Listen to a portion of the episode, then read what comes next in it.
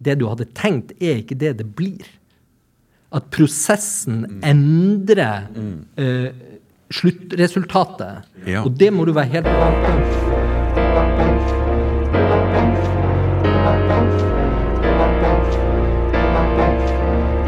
Lars, du får bare redigere som du vil. Dette må redigeres. Dette må redigeres. Dette er Skapelsesberetninger. Jeg er Håvard Legrid. Mitt navn er Eivind Riise Hauge. Ja, og denne podkasten lager vi jo da for Bergen offentlige bibliotek. Og den handler om eh, hva da? Den handler eh, altså, eh, Skapelsesberetninger. Det var jo din tittel, eh, Håvard. Veldig Ja. god. Eh, og den handler egentlig om kreativitet. Ja. Og kreativitetens eh, la oss si, mysterium. ja. Hva pleier vi å gjøre? Vi pleier å invitere en gjest, men jeg legger jo merke til at eh, det, det kjennes veldig nakent nå, dette rommet. Ja. Det er bare oss to her. ja, vi har ikke noen gjest i dag. Nei, hvorfor har ikke vi det? Var det ingen som ville komme, Håvard? Nei, det var ikke det det sto på. Eh, det, dette er jo en slags eh, skapelsesberetninger special, Mhm. eh, hvor det er bare jeg og du Mhm. som eh, oppsummerer litt og eh, Kanskje vi intervjuer litt hverandre? Uh, ja, det er derfor jeg er her. uh, ja, nå har vi jo laga tolv eh, episoder i serien. Det har vi. Dette blir nummer 13, er det riktig? Ja, det er riktig. Mm. Så uh, da er det kanskje på tide med en liten recap. Ja. Kanskje vi kan snakke litt om hva vi har lært så langt? Oi. Ja, ja. Det, det, det, det er jo vanskelig å, å, å svare på. og Jeg håper du kan fortelle oss litt om det, hva vi har lært. Jeg håper kanskje vi kan eh, klare det. Men, men saken er jo den at eh, At eh, vi har jo ikke vært noe snillere mot oss sjøl enn vi har vært med gjestene. Har vi ikke vært snille med gjestene? De fikk jo beskjed når de kom hit, helt uforvarende. Ja. Bardust på kom det at de skulle finne tre ting i biblioteket. Ja. Det har vi gjort med alle gjestene. ja. Eh, jeg vil bare si at jeg husker at uh, i, i begynnelsen, når vi planla denne podkasten, ja. så hadde Håvard en idé om at uh, gjesten skulle gå rundt og let, lete i biblioteket i en, uh, en time, halvannen. Men det, vi fant etter hvert ut at det trengte ikke så lang tid, da. Nei, rekorden var vel nede i et minutt. ja, ja, var det så kort? Ja. Ok. Eh, Jeg lurer på om det var eh, ganske tidlig òg. At det var Cecilie Holk som var utrolig rask. Mm. Det kan stemme, det. Ja. Hun, var, hun var rask, og flere har vært raske, men det finnes jo eh, de som har brukt et kvarter, tror jeg. Ja, ja. Absolutt. Og, men i alle fall, det poenget mitt var at vi har jo gjort dette mot oss selv også, da. Ja. For virkelig få kjenne på det som, det som våre gjester har måttet uh, gjennomleve og gå Ja. gjennom. Eh, men det var jo egentlig veldig kjekt. ja. Fordi at jeg tror at når du går rundt og skal finne tre ting på biblioteket, når du skal løse den oppgaven, da, så kommer det helt an på eh, dagsformen din, hva du går til. ja. Altså, I morgen ville jeg nok valgt noe annet enn jeg hadde valgt i dag. Men jeg tror at jeg har gjort eh, tre, tre på en måte ærlige valg. da. Ja, jeg kjente at jeg ble mer, mer, mer sånn uh, analytisk etter hvert som jeg leita. Mm. Eh, Så du, let, du lette, du hadde ikke noen idé? jo, jeg hadde én jeg ville finne, og så fant jeg ikke den helt umiddelbart, og så endte jeg opp med å finne to andre i liksom eh, litt fortvilelse over å ikke finne. Og så når jeg var egentlig tenkt ja ja, det er jo greit nok, Mm. så fant jeg den. Så jeg har eh, tre tegneserier, men så ble jeg litt sånn eh, analytisk. Jeg tenkte at jeg må ta med eh, to eh, bøker som er direkte knytta til podden, da. Veldig interessant. veldig Ja. interessant. Jeg må bare si det er et par ting jeg må si. Eh, Det ene er Jeg hadde jo vi, Du vet jo det, Håvard, at du måtte jo ikke ta med deg tre fysiske ting. Nei, Du kunne jo gått for en observasjon, f.eks. Og all den tid du er jo da eh, en, en, en tegner, Ja. så tenkte jeg ja, hva går Håvard for? Kanskje han kun går rundt med dette blikket sitt og tar med eh, ingenting fysisk, men alt bærende i sitt indre. Men sånn er det altså ikke blitt, for jeg er sikker på at jeg så deg komme med ting. Ja, ja. Altså, eh, jeg kunne ha gått Jeg eh, vurderte en stund å ta med meg ei hylle. Det skal vi komme tilbake til, hvorfor det er interessant. Det, det, det synes jeg det var veldig morsomt. Men da hadde kanskje disse arbeiderne der ute eh, vet ikke, Hvordan hadde de taklet det? Nei, det var det jeg òg kom til. At, eh, Ja. Så jeg tenkte det kunne vært naturlig, men så uh, endte jeg med å bli ganske tradisjonell Ja. eh, i, i utvalget. Men jeg tror nok vi kan drøse eh, frem og tilbake om eh, de ulike valgene. ja. Men jeg kan begynne med den jeg visste at jeg ville finne. Her er bare det andre spørsmålet mitt før du begynner med det. Ja. Eh, dette s- svar, Avhengig av hva du svarer, så sier det mye om deg som person. Og spørsmålet er Er du mest spent på Eller gleder du deg mest til å snakke om dine egne greier? Eller er du sitrende av spenning med tanke på hva jeg har valgt? Ja, Der må jeg være såpass ærlig at jeg gleder meg mest til å fortelle om mine ting. Det, det, det, det, det spørsmålet visste jeg svaret på. Så, så Nei, jeg skal være kjapp, jeg.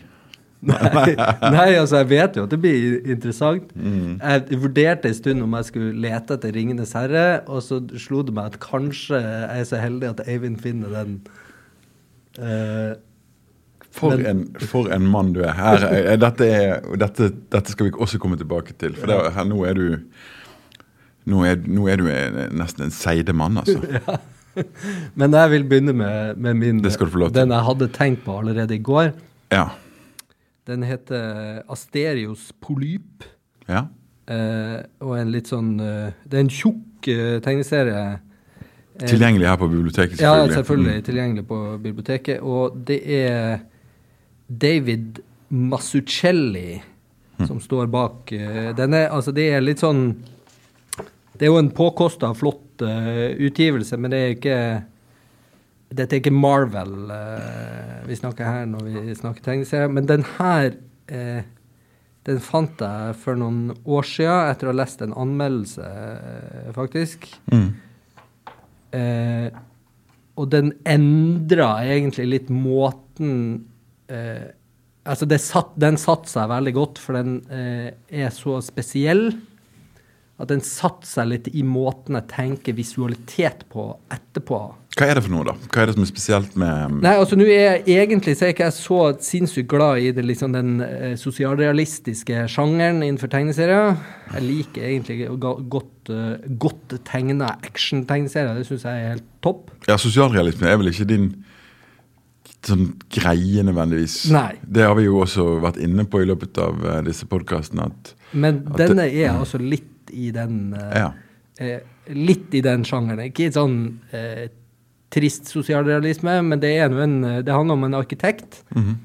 som eh, eh, ser tilbake Altså, han er midt i livet, men han tenker over livet sitt, og så er det litt sånn episodisk frem og tilbake i livet og hans forhold til en kvinne.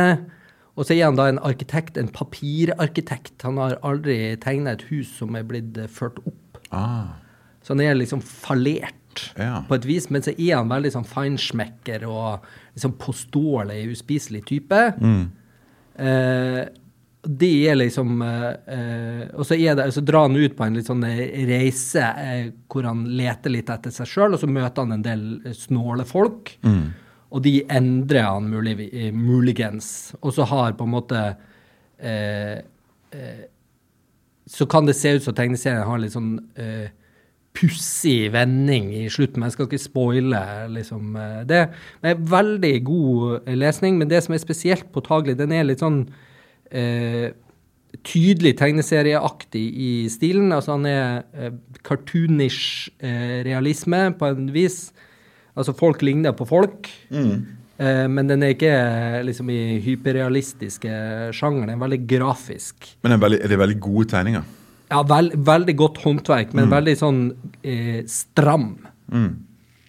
Krisp strek. Eh, litt sånn eh, Har litt sånn tendens til computer eh, Altså du ser at den er produsert digitalt. Mm. Iallfall ettertegna digitalt for å få trykket til å bli så bra. Og så er den veldig eh, sparsom i fargebruk. Og det er det som er hovedpoenget. Det er det at både Den har liksom forteller historien på veldig mange nivå. Ja.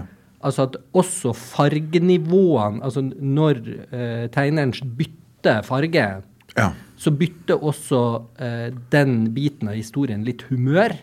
Og den er, eh, fargebruken er sensitiv til hvilke karakterer som er til stede i de ulike scenene.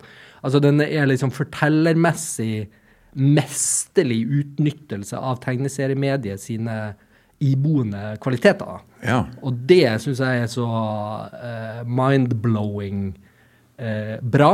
At det er ikke bare liksom overganger mellom paneler, det er også eh, betydningsdybde i farger. Ja. Som betyr da at denne Her har vi da en tegneserieskaper som går above and beyond på en måte mediet. Dette er nett, nett, nesten det ypperste du kan produsere, tenker jeg da. ja. Og det gjør den eh, spesiell for meg. Og vi snakket jo med Vi har jo også hatt Kim Holm eh, som gjest her. Ja. Som er jo forhenværende tegneserieskaper. Og det, de tingene han sa om den kunstformen, da, det var jo veldig sånn øyeåpnende eh, for mitt vedkommende. Eh, Kim sa at eh, liksom han han, han, han måtte bort fra det, fordi det er, det er så enormt krevende. da. Ja. Ehm, og øyeåpne fordi kanskje jeg har hatt et litt sånn naivt uh, forhold til tegneserier. Fordi at eh, eh, altså min befatning med, med det jeg liksom selvfølgelig uh, går tilbake til barndommen. For meg er tegneserier et, et barndomsminne. ja. Ikke sant?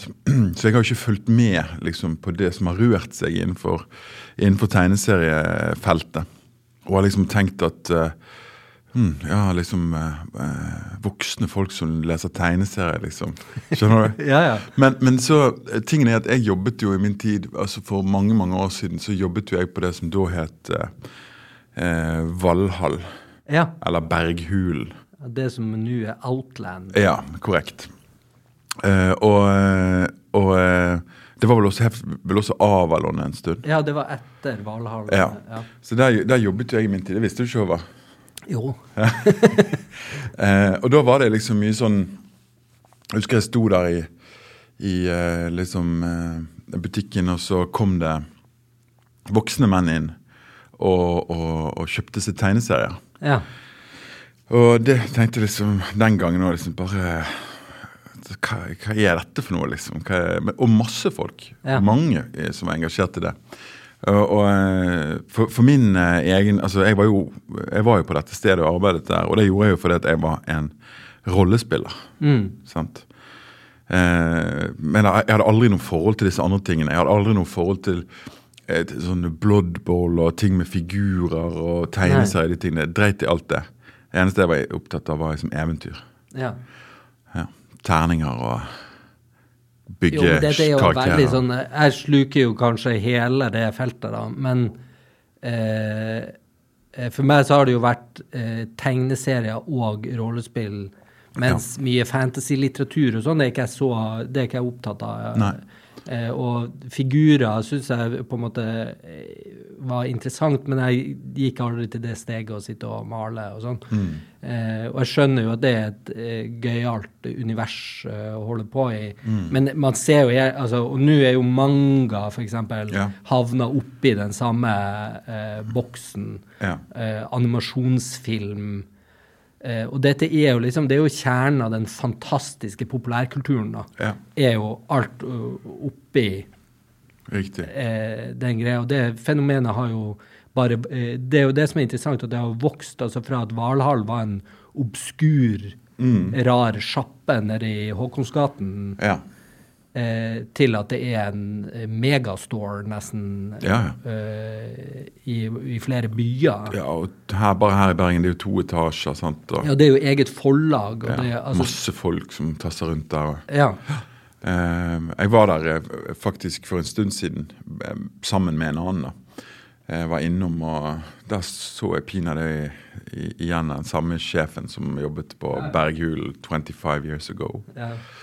Eh, så eh, det har gått bra, det der. Ja, ja. Eventyret der. Det er gått I bra, det eventyret. I dobbel forstand. Ja, har du et eventyr, kanskje? Ja, jeg skal, jeg skal bare liksom ta det Egentlig passer det fint å gå videre til, til det første valget jeg gjorde blant mine tre ting her, da. Mm.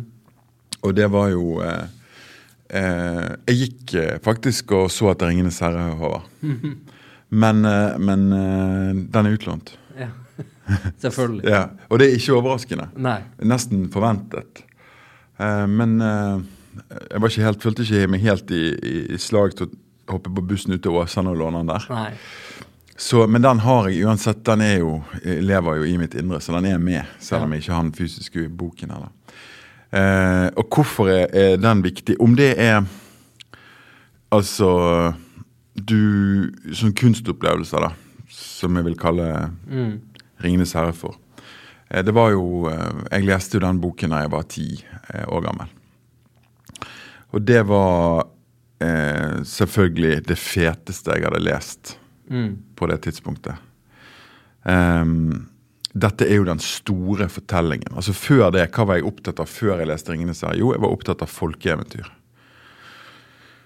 Veldig, veldig opptatt av uh, tusser og troll og de underjordiske og uh, lignende fabelskikkelser som går i skogen om natten.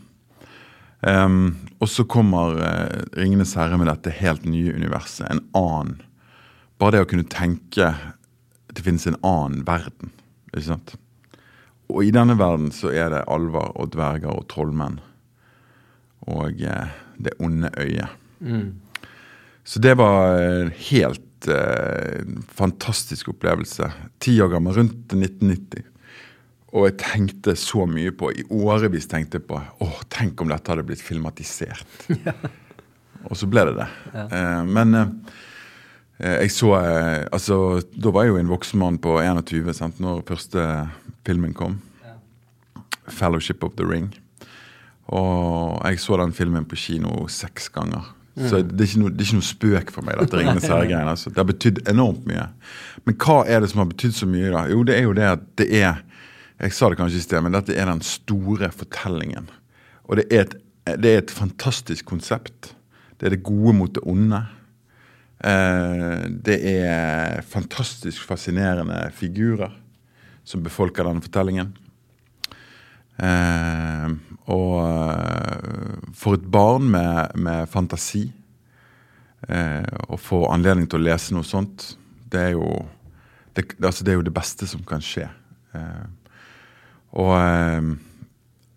da blir man jo Og så senere kom rollespill liksom inn, da. Eh, rollespill var forresten en ting som, som eh, Der var det jo også, som du vet, alvor og dverger og eh, Jeg vet ikke hva våre lyttere vet om det, men eh, det var jo det Dungeons and Dragons da der det begynte, og det er vel kjent for de fleste, kanskje. Men, men det som var med rollespill, er at jeg har spilt rollespill har hatt så mange sessions, sant. Og eh, jeg var alltid da sånn eh, Hva heter det for noe? Dungeon master. Ja. Eh, men jeg var også alltid Jeg har aldri hatt en session jeg har vært fornøyd med. Jeg har alltid vært skuffet. Jeg har aldri følt at vi liksom At vi nådde det som jeg så for meg at vi skulle nå, da. Ja. Mm. Eh, det legger jeg utelukkende på spillerne. Dere vet hvem dere er. Jeg har jo òg spilt eh, rollespill i utrolig mange år. Jeg har på en måte en ganske lik sånn opprinnelseshistorie for, for det. Nå var jo jeg en litt sen leser, da. Mm. Så jeg begynte å lese denne først i 13 13-årsalderen. så begynte jeg å lese 'Ringenes herre'. Men det det er jo slett ikke jo- uvanlig, da. Det er jo sikkert Nei, helt vanlig alder. Men det var jo for meg en kraftanstrengelse. Ja. Det er jo tok jo, må, det tok månedsvis. Mm. Eh, og det var Selv om jeg var utrolig motivert. Men det var såpass tungt eh, å lese så mye, Ja. eh, så tett, på en måte. For det, fortellinga er jo voldsomt tett. ja. Eh, og det er mye folk, forskjellige folk og eh, tilsynelatende tilfeldige opplysninger som blir gitt, men som viser seg å ha betydning osv. Mm. Men den, den gjorde liksom eh, ja, det gjorde at lesning var inn Etter den så var på en måte all lesning innenfor rekkevidde. Ja. For da hadde du Ringens herre' under beltet, så liksom ja. så var det greit. Og da kunne jeg gi meg i kast med rollespillbøker på engelsk. ja, ikke sant. Eh, Men leste du 'Ringenes herre' på engelsk? Eller? leste Nei, den leste jeg på norsk. Og så leste jeg den senere eh, på engelsk for å liksom Det er jo sånn der nerderi at man skal ta den på originalspråket. Jeg syns jo fortsatt at den norske utgaven er god. Nei, men Jeg elsker den svenske oversettelsen. Du Nei, men Jeg skal bare si en ting til om dette med 'Ringenes herre'. da.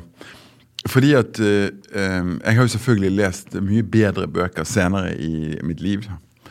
Eh, men den der la et sånt eh, Det er mitt fundament, på et vis. da. Ja.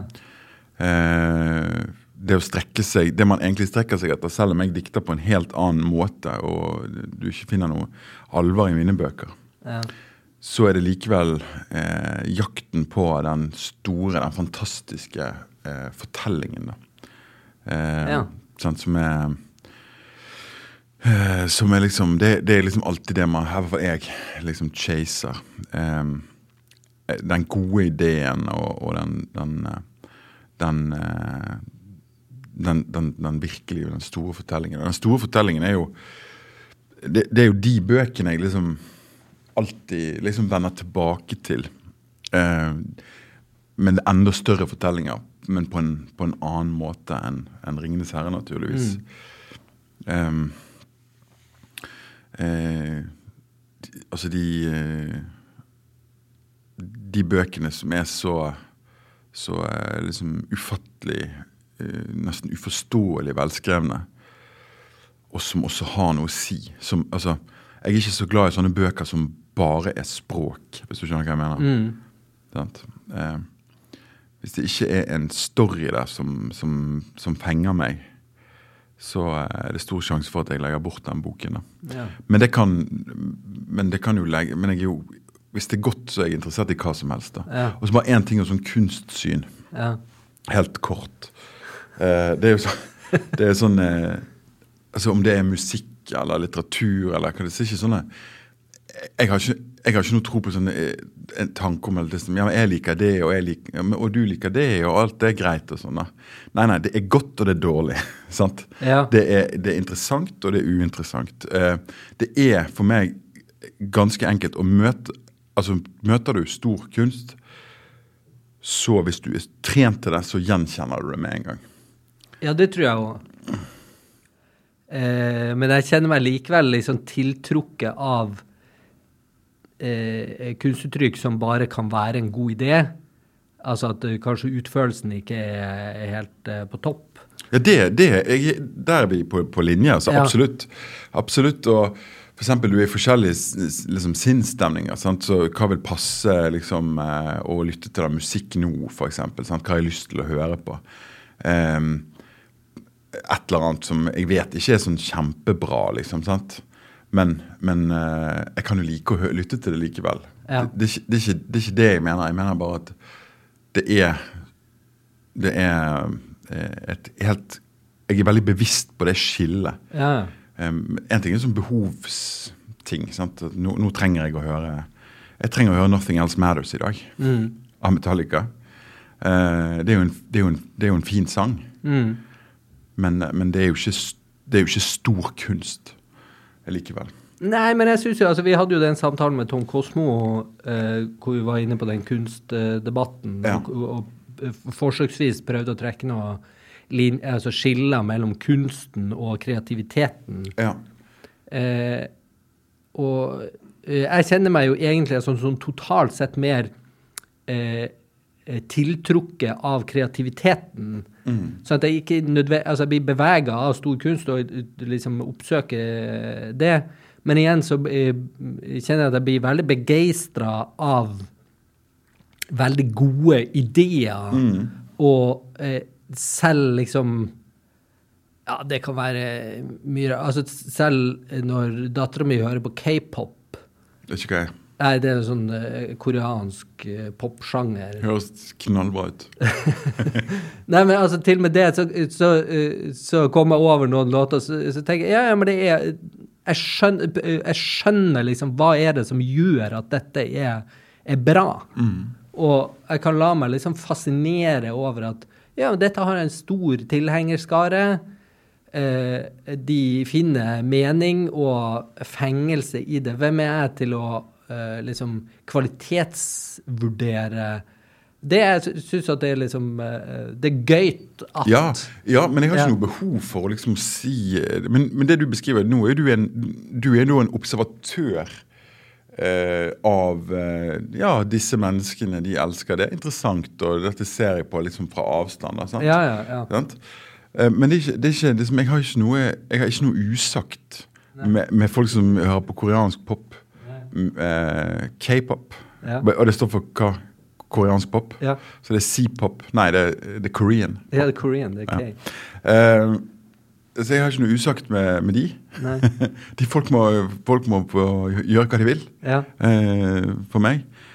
Uh, men, men det som Men jeg er ikke spesielt interessert i å utforske k-pop-landskapet, for å ta det som et Ja, ja, ja. eksempel. da.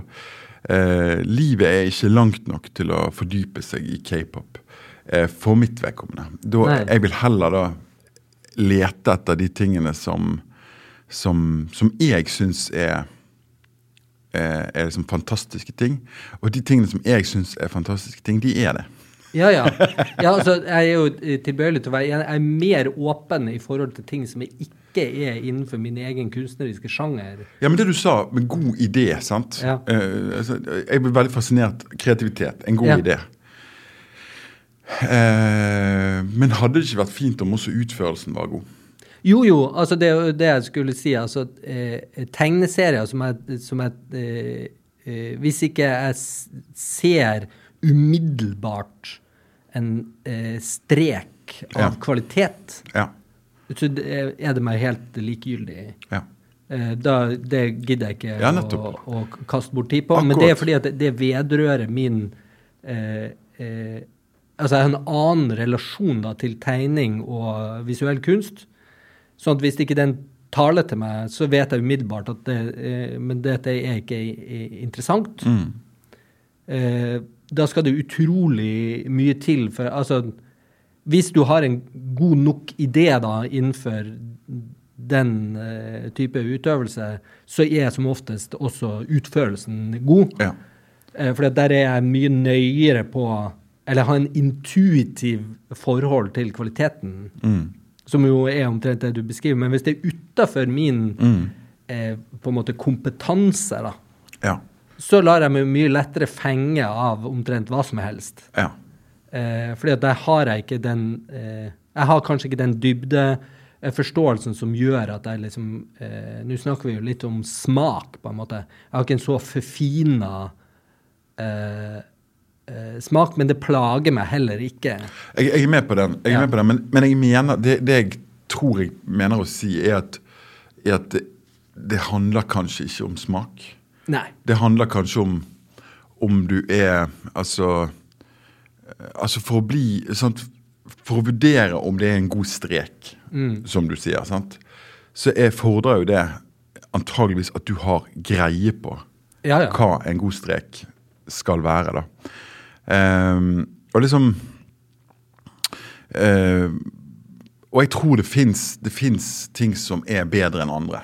Eh, Om det gjelder i tegning, om det gjelder i, i litteraturen, musikken, hvor som helst. Og at det er objektivt. da, sant? Det, er, det bare er et faktum at dette er fantastisk, og det, dette er middelmådig. Ja, ja. Eh, Det, det, det er jeg liksom ganske, ganske sikker på. For eksempel, jeg, eh, vi har jo en, i, i Norge i dag faktisk en, eh, en, en stor kunstner. Eh, som mange har nå selvfølgelig fått det med seg, men, men f.eks. sånn som Susanne Sundfør. Eh, når hun kommer med eh, Jeg hørte de første låtene hennes på MySpace før hun hadde utgitt noe plate. Og, eh, og ble liksom bare blown away. Altså For en gjennomført kvalitet i, i, i det som hun eh, driver med. Og eh, så kommer The Brothel-platen vel i 2012, som er jo bare mesterverk. Og dette pågår i Norge nå. i vår Ja. tid. Så heldige vi er som har sånne kunstnere iblant oss. Og det, det er liksom Hvis en person sier at jeg liker ikke Susanne Sund før, så tenker jeg bare Da har ikke jeg noe å snakke med deg om. ok, så, så det er liksom objektivt.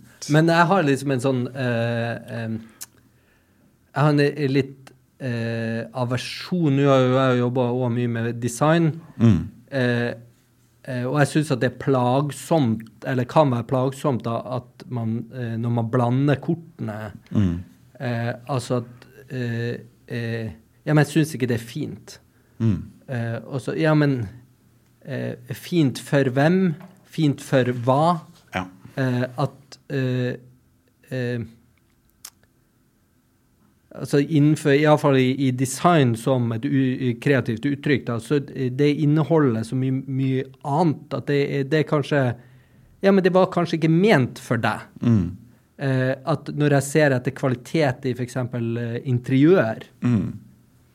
så, eh, så er det en, av, altså det er en slags avveining. Hva, hva er tenkt her? Hva er grepene som er gjort? Mm.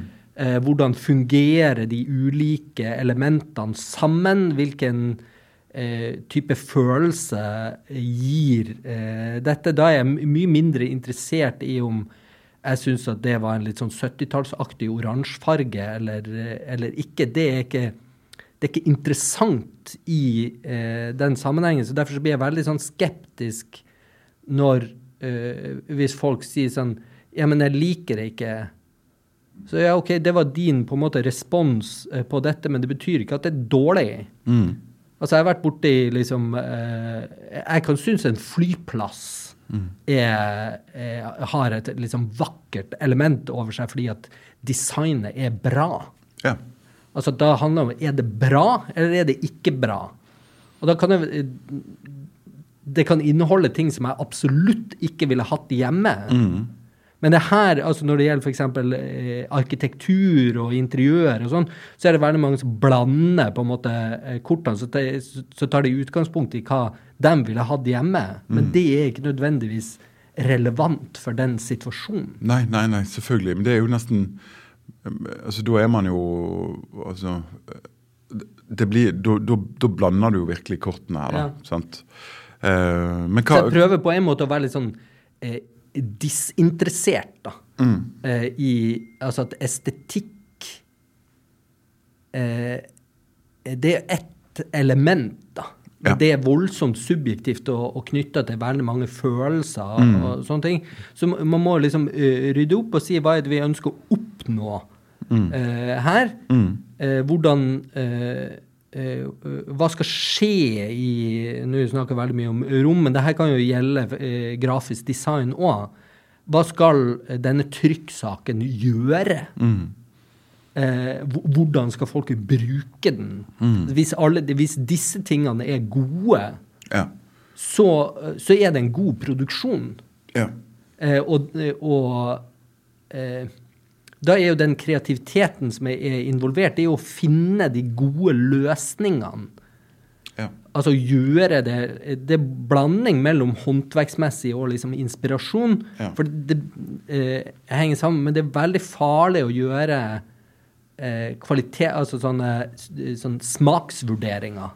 For det er, ikke, det er ikke nødvendigvis det det Ja, men klarer, å, men klarer du selv altså, Vi kan kanskje også si at du jobber jo med bl.a. å lage bibliotek. Ja, ja. Sant? Eh, og, og, men klarer du selv liksom å ta et step back fra din egen smak, på et vis? da? ja det prøver jeg så mye jeg Ja. kan. Ja.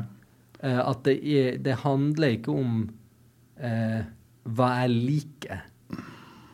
Eh, det handler om å få det til å fungere, og at mange får en Altså er mer ute etter en resonans, da. Altså at det skal, det skal vekke et eller annet hos noen. Og hvis det lykkes, så er det, er det bra. Selvfølgelig så vil det jo i, i, i- i interiørdesign så vil det jo lekke igjennom ens eh, egen preferanser og sånne ting, selvfølgelig. Men eh, jeg prøver å la være. ja. Så selv om liksom på Bergen Offentlige så har jeg gjort veldig mye som er grønt, Ja. eh, så er jo ikke det nødvendigvis min foretrukne fargepalett. Jeg har alltid tenkt at åh, Håvard han er jo besatt av grønt. Nei, men altså, det, det, det eh, Fordi at det skal være eh, Det skal fungere. Og jeg er kanskje mer opptatt av at man skal lage rom som eh, Som kan appellere til noen. Mm. Og så kan man ha forskjellige Mm. eh, ting. Altså eh, Ja. At man kan prøve å finne ulike publikum som responderer på de ulike tingene. Ja. Ja. Men jeg er jo mer sånn, kanskje det er min smak, at jeg blir veldig sånn begeistra eh, for variasjon. Mm. Og liksom åpen for at Å ja, ja, men dette var jo uh, morsomt, og eh, Nei, dette var jo lunt, og, og fint. Altså at det, eh, det er mer sånn. Men man er jo prega av sin tid og sin eh, bakgrunn, selvfølgelig. Selvfølgelig. Kanskje det jeg liker minst, da, hvis jeg skal si noe sånn subjektivt, det jeg liker minst, er på en måte en slags sånn middelklassens smak. At alt skal være veldig ryddig og veldig sånn strigla. Eh, at det, det, eh, det, er det blir veldig eh, kaldt. Mm. Det blir sånn kjølig eh, Det skal være så rasjonelt. eh. Altså, jeg blir skeptisk hvis folk har bare like glass i kjøkkenskapet sitt. ja. Da blir du skeptisk, ja. Ja, for da tenker jeg liksom eh, Ja, men hvor ble det av det glasset du fikk av mormor, liksom? ja. Har du ikke noe Hvor er den følelsesmessige tilknytninga? Et bord kan være det er gitt til Fretex. Ja, sant. Men et bord, et dekka bord kan være veldig eh, vakkert og eh, morsomt og bra med bare forskjellige glass. Absolutt. Det inneholder jo eh, Altså, det har jo da den menneskelige eh, Jeg vil nesten si tekstur, men altså det, du, du kjenner at det er følelser der. Og det er kanskje der en del av modernismen eh, i mine øyne har skåret av i litt feil retning. Det er det at det, er blitt, eh, det er for lite eh, Nå vil jo min 30 år gamle versjon av meg sjøl være uenig, Mhm. eh, men jeg bøyer meg mer og mer i retning av at jo da, eh, ornamentikk er bra. Mm. Mm. Eh, Fordi at det, det signaliserer effort. Mm. Her har det vært et menneske som har lagd noe fint. Ja. Eh, og noe fint skal ikke undervurderes i For det inneholder varme, og det overfører energi. Mm. Og det har liksom modernismen sagt. Nei, det er forbudt med all type ornamentering. Det skal være eh, funksjonelle, glatte overflater som er vedlikeholdsfrie og sånn. Ja, hva får man da? Jo, du har en maskin. Mm. En maskin er jo ikke for mennesker. Maskiner har ikke følelser. De er, de er helt sånn, altså, de er jo likegyldige i forhold til det. Men eh, så lager du da bygninger og rom som er for maskiner. Det er jo helt ubrukelig. Det kan vi ikke ha noe av. Minner meg på et sitat. Eh, Jon Arne Riise. Ja. De kaller meg bare maskin. Ja. Men det som er men, men det, så det, middelklassesmaken, så det du liker da, hvis jeg forstår det riktig, det er overklassens smak? Nei. Under, underklassen? Nei eh, eh, Nå sparker jeg kanskje inn åpne dører, men altså, jeg syns at man skal ikke være så Dronning Elisabeth har det veldig fint. Ja, men hun har bare likt bestikk og like Ja, det, det, er, nok, og- det er nok riktig. Det er nok riktig. Bare likt Alt er likt, alt matcher. Ja. Så matching, det er også en sånn Det er kult at ting spiller på lag, Ja. eh, men det er jo the odd thing off som er Det minner meg faktisk Det er et sitat i, altså fra 'Ringenes herre'. Mm, der ser du. Så sier eh, så Galadriel eh, på et tidspunkt Hvem er Galadriel? eh, Hun er jo alveprinsessa i Lotlorien. We'll come full circle. Ja, Tilbake. Mm. vi er tilbake der. Men der er det en, en passasje i, i filmen og i boka, det er jo et sitat fra boka. Så ser hun i Galadriels speil, Mm. Og så sier hun noe sånt som eh, Nå husker jeg ikke helt nøyaktig, eh, men hun sier i speilet, da, så kan du se det som uh, uh, har skjedd. Things that are, Ja. Uh, things that have been. things that were, Ja. and some things that has not yet come to pass. Det, den vendinga er kanskje noe av det mest elegante Tolkien gjør. Mm. Fordi at not yet come to pass. Etter å ha sagt det som har vært, og det som er. Da skal, skal, skulle det jo ha vært det som kommer, er jo rytmikk. Det er middelklassens løsning på denne eh, strofen. Men han velger da at det, det som ikke enda har skjedd. Og det er briljant. Det var et nydelig resonnement. Ja. Håvard. Du er på ditt aller eh, skarpeste i dag. Ja. Fredag morgen. Ja. Nå kan vi gå videre. Vi dekket Ja. 'Ringenes herre' Ja, det, og Susanne Sundfør. ja, og vi har sikkert vært borti litt forskjellige ting nå, da. Jeg har lyst til å ta min ting nummer to Ja. nå, fordi at eh, Det var ikke Susanne Sundfør, altså. Nei. Nei. nei, nei jeg, men igjen, altså, jeg kunne godt uh, valgt Ja. kommet opp her med, med en Susanne Sundfør-plate, selvfølgelig. Men jeg har uh, Men det er nå engang sånn at altså, musikk er jo liksom det som er noe som inspirerer meg veldig. Og, og liksom, jeg har ofte prøvd å hatt en sånn tanke om at, at jeg Jeg har lyst til å skrive ting som eh, tar opp i seg det jeg selv eh, kjenner på når jeg hører fantastisk musikk. Da. Sant? Jeg har lyst til å få den stemningen som jeg tar inn når jeg lytter til noe, eh, og på en måte prøve å overføre det til litteratur. Da. Det er jo eh, også sånn, et mål som bare ligger der fremme, noe som jeg ikke får til. og Det blir alltid noe, noe annet enn jeg hadde tenkt osv. Men det er, sånn, en, det er kanskje noe jeg kan klare å gjøre når jeg er blitt gammel. Da. Og det er ikke helt der ennå. Men det var dette med den store fortellingen, fordi jeg vil ta det videre til, eh, til en bok som, har, eh, som hadde også en sånn enorm uh, impact på meg. da. Um, det var en, Nå er det en nobelprisvinner. Og du kan si mye om tolken, men det er han ikke. Og det er det gode grunner til. Men her er det altså Haldor Laksnes. Eh, jeg fant denne boken her nede i biblioteket. Eh, den har eh, Senere så er den eh, Jeg tror den islandske tittelen eh, Og dette uttaler jeg selvfølgelig ikke riktig, men det er noe sånt som 'skjelvstedt folk'. Sant? Mhm. Eh, og så er det blitt, eh, i den norske oversettelsen, da er senere blitt kalt 'Sin egen herre'. Men jeg tror den riktige, eller mest presise eh, og beste tittel er det som man ble kalt for før, nemlig 'Frie menn'. Mm. Um, denne bok, Selvstedt folk, det høres ut som det er selvstendige folk. ja, men det ville vært en veldig dårlig tittel på norsk. Okay. 'Selvstendige folk'. Ja. Oi, helvete. Hva, hva er det for noe? Frie menn er mye bedre. Ja, ja. Og sin egen herre er også Det er jo et uttrykk, sant? Ja. Det er derfor den ikke er så heldig, syns jeg. da. Men denne boken da, den leser jeg eh, Kan det være i 2006? 2007? Eh, får han da anbefalt av min eh, kjære bror, som sier den må du lese. Eh, og på den tiden gikk jeg på Skrivekunstakademiet, og da leste man jo moderne norsk litteratur. Eh, og mye, mye, absolutt det er mye fint eh, i, i, der, da. Eh, men så begynner jeg å lese denne boken her og får litt denne samme følelsen som jeg hadde når jeg leste 'Ringenes herre' som, tiåring.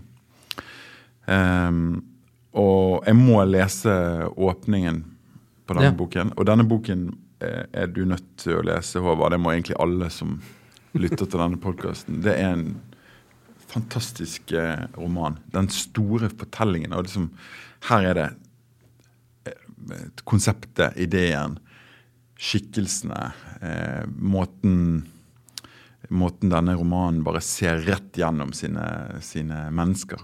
Det er de menneskene som befolker teksten. Og den begynner sånn som dette. Eh, Boken er vel gitt ut på 30-tallet. Det kom tidlig menn vestfra til dette landet, forteller islandske bøker. Og etter dem finnes det kors, klokker og annet som duger til trolldom. Latinske kilder nevner dem som seilte hit fra Vesterlandene i pavedømmets eldste tid. Høvdingen deres heter Kolumkilli, den irske, og var stor seidmann. I hine dager var det makeløse gode på Island, men da norrøne menn slo seg til her, rømte trollkarene ut av landet. Gamle skrifter sier at Kolumkili ville ta hevn og lyste forbannelser over det nye folket. Det skulle aldri trives i dette landet. svor han, og mer slikt som ser ut til å ha gått i oppfyllelse langt på vei. Lenge etter vendte norrøne menn på Island seg bort fra gammel sed og tok imot fremmede folkeslags trolldom. Alt ble nå omsnudd på Island. Folket hånte de norrøne menns guder og tok seg nye guder og helgener, noen fra Østerlandene, andre fra Vesterlandene. Sagaen melder at det da ble reist kirke for Kolmkili i den dalen der gården Albogasta i Heid siden sto. Her var en gild gard i gammel tid. Jon Sysselmann på Utiraudsmyri, samlet store kunnskaper om denne fjelldalen helt fram til år 1750, da den store draugeplagen la gården øde. Sysselmannen både så og hørte selv mye av det merkelige som hendte der. Han forteller om det i den velkjente kapittelet om den onde på Albogastadir. De hørte Draugen tale høyt og tydelig der på gården, fra først i februar til etter pinse, og folk rømte ned til bygda. To ganger sa han navnet sitt i øret på sysselmannen og svarte på de spørsmålene den andre stilte ham, med kjendige latinske viser og uhørte ord, som sysselmannen selv skriver. Et av sagnene om denne gården er mer vidspurt enn de andre. Det går tilbake til en tid lenge før sysselmann Jons dager. Langs elva i ujevnt tilgrodde hestetråkk fra fordums dager ligger tidsaldrer side om side. For dem som aldri har ferdes over markene her, og som vil legge veien om tuftene etter den gamle gården ute på myra, når de likevel drar gjennom dalen, kan dette sagnet være vel verdt å kjenne. En gang, senere enn her i Gulbrands første biskopsdager, har det nok ikke vært, bodde et par folk her på Albogasta i Heid. Bonden er ikke nevnt, men kona hans heter Gunvor, eller Gudvor. Hard og stri var hun, for med trolldom og var hamlaupe, sa folk. Mannen styrte hun mest som hun ville, han var en stakkar. Det gikk ikke så godt med dem de første årene, og de hadde få tjenestefolk. Så har sagt at kona lot mannen bære ut barna da de hadde lagt seg til en flokk og fikk enda flere. Noen ble lagt under en heller i fjellet. Tidlig på våren når snøen tar til å bråne, kan du ennå høre de gråter og ynker seg. Andre ble bundet til en stein, og bonden kastet dem i vannet. En månelys natt midtvinters kan du ennå høre de gråter, helst i sprengkulde eller mot uvær.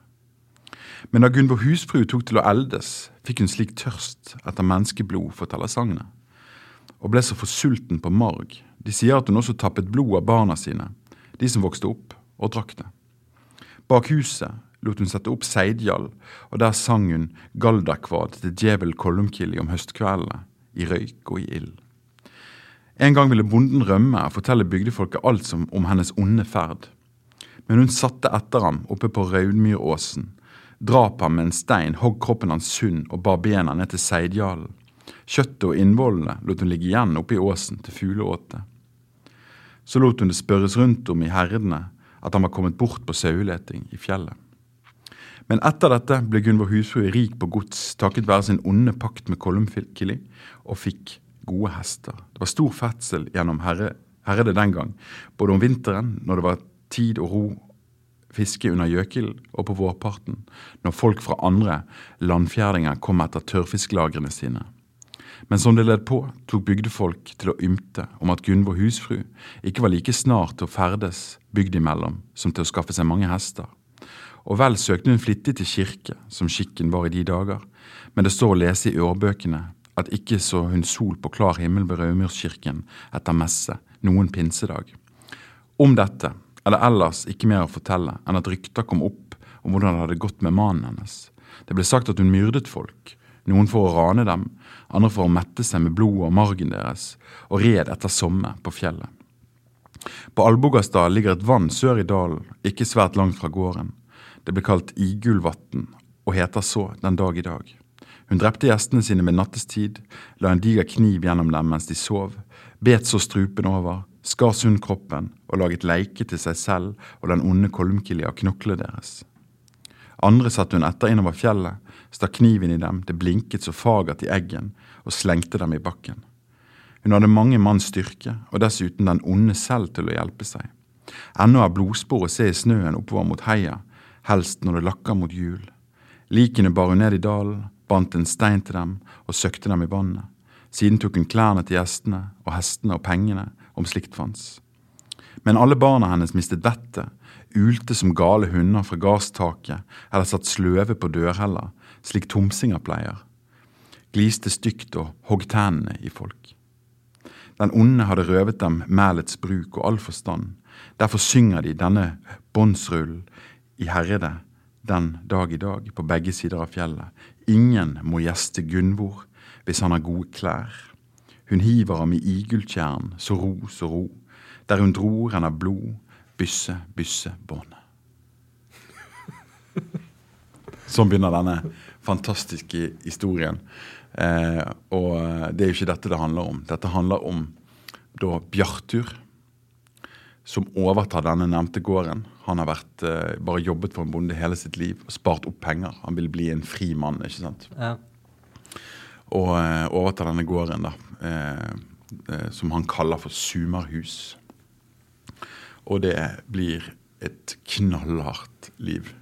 Så mye kan jeg si. Denne forbannede plassen. Sant? Og hvor tungt og, og, og, det arbeidet Dette er jo rundt århundreskiftet 1800-1900. da. Um, han er stolt av å ha blitt en fri mann, men uh, det er mye motgang. da. Og uh, for et liv de har levd, eh, enkelte av disse. Og da bruker Laksnes dette sagnet, da. Mm. Uh, altså der det er kastet en forbannelse over dette stedet. ikke sant? Men det er jo selvfølgelig ikke det. Det er jo samfunnet og hvordan ting er lagt opp som er det egentlige problemet. Og det er det karrige, vanskelige, steinete landet. sant? Eh, men en enorm fortelling. Og, og eh, jeg kan bare si at eh, Isak Sellandrå i Markens Grøde, Hamsun, Ja, jeg tenkte på det når du som, som Laksnes hadde jo selvfølgelig lest sin Hamsun, men de var politisk, sto langt fra hverandre politisk. da. Og Hans Isak Sellandro sitt, sitt første ord når han finner plassen han skal slå seg ned, det er ja. Det er det første han sier. Mm. Og Bjartur i Sumahus sitt første ord, det er nei. ja. Så det var den. Eh, Ja. det, var, det var den. eh. Det er dette, det, det er den type Der har du en litteratur som, som uh, går rett hjem hos meg. Jeg skriver jo på ingen måte sånn selv. Nei. Eller ikke noe som ligner engang. Men det er rett og slett ikke fordi jeg ikke vil, men fordi jeg ikke foreløpig ikke evner. Nei. Mm. Men det er det du strekker deg mot? Strekker meg mot den store fortellingen på en eller annen måte. Og hva den er, det, det, det, det vet jeg ikke ennå. Sånn, eller hva som er min store fortelling, det, den har jeg ennå ikke funnet. Ja. Det var en uh, voldsom uh, uh, Den satt hardt i hodet, den, Den åpningen. den åpningen. Ja, Jævlig god, da. Se for meg Gunvor husfru som springer etter mannen oppe på heiene og slår han i hjel med en stein. Ja. Og disse barna som, som sitter og glefser på hustakene, eller sitter og sløver, som sitter som tomsinger utenfor. Djevelen har tatt fra de alt vett. Ja, det, det, det er så fantasi Det er så, det er så rikt, da. Det er så, det er så, det er så spennende. Og, og, og jeg leser jo for å underholdes, da. Men så, Ja. selvfølgelig. Og det er jo, men så er det jo vi er veldig forskjellige, vi folk, hva vi lar oss underholde av. da. ja. Mm. Jeg syns jo at det liksom eh, ja, Skjønnlitteratur kan være litt uh, krevende. Ja. Altså at det, det Ja, altså at kvi, kvi, kan kvi meg for å begynne. ja. Uh, fordi at den uh, Den fortellingsformen er for, for krevende. Altså derfor er det Jeg leser ikke så voldsomt. Nei, og så er det jo ikke Det er jo, det er veldig ofte liksom at, at Liksom At du begynner på en bok, og så, så, så fenger det deg ikke, da. Er du ikke interessert i temaet som behandles og sånn. og så men skal du da lese den ut, liksom? sant? Eller er det greit å bare si eh, vet du hva, jeg finner meg en annen bok? Og jeg tenker jo det siste. Du må ikke kaste bort tid på noe du ikke er interessert i å bare lese med et halvt øye uansett. da. Nei, det er jo et eh, det, er, det er et poeng. Mm. Eh, jeg foretrekker jo ofte, eller jeg har i de siste årene foretrukket liksom eh, faglitteratur. Mm. Eh, fordi Ja, eller der, der på en måte nytteaspektet er eh, tydeligere. Ja. Ja, ja ikke sant. Altså at det Ja, noe skjønnlitteratur kan vi- virke litt sånn Da er det gjerne det Grunnen til at jeg leste, er enten en ekstrem anbefaling Mm. Eh, fra noen som jeg tenker har litt eh, sprø ideer. Ja, ja, Anbefalinger skal man jo, skal man jo eh, ofte lytte til. da. Ja, men ofte så er det jo det at det er noen som eh, Altså at impulsen er å dele en god opplevelse man har hatt sjøl. Ja. Eh, men da blir jeg jo ofte litt sånn tvilende. Ja, men hva, eh, hva vet du om mine eh, Preferanser. Ja, eller eh, eh, eh, opplevelser. Eh, sånn sett at det er ikke sikkert eh, eh, jeg lar meg fenge av det. Altså Nå har jeg jo eh, lest eh, den 'Moderne arvtakeren' til Laksnes, altså Sean, eh, som også islandsk eh, eh, forfatter. Men, og det var da jeg bestemte meg for at hvis jeg leser skjønnlitteratur, så skal det være 250 sider maks. Ja. Da leste jeg den blå reven. Det er jo litt samme saga-landskapet, da. Hvem var forfatteren, sa du? Shaun. S. SJO med sånn uh, apostrof N. Jeg vet ikke hva vedkommende heter egentlig. Ja.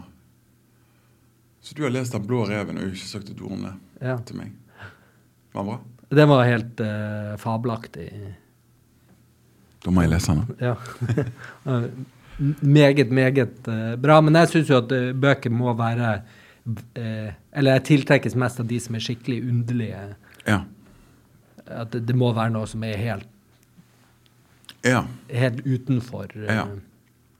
Selvfølgelig, men jeg har la, mye lavere terskel altså på, på tegneserier, faglitteratur og eh, andre typer medier. Så, så er jeg liksom Men faglitteratur, altså alt mulig? All mulig sakprosa om alle slags emner?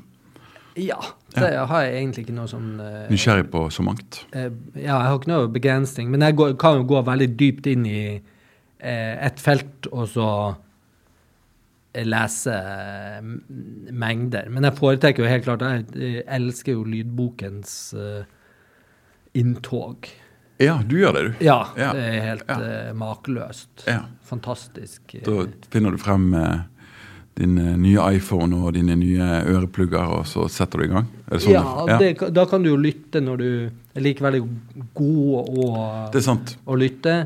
Og så er jeg jo blitt bevisst på at også eh, Altså at eh, eh, Dette var jo litt inne på i samtalen med Monica Isakstuen. Altså at eh, eh, opplesning også har på en måte Altså har en annen dimensjon av kvalitet. da, Altså at selve oppleseren eh, også betyr noe. Mm.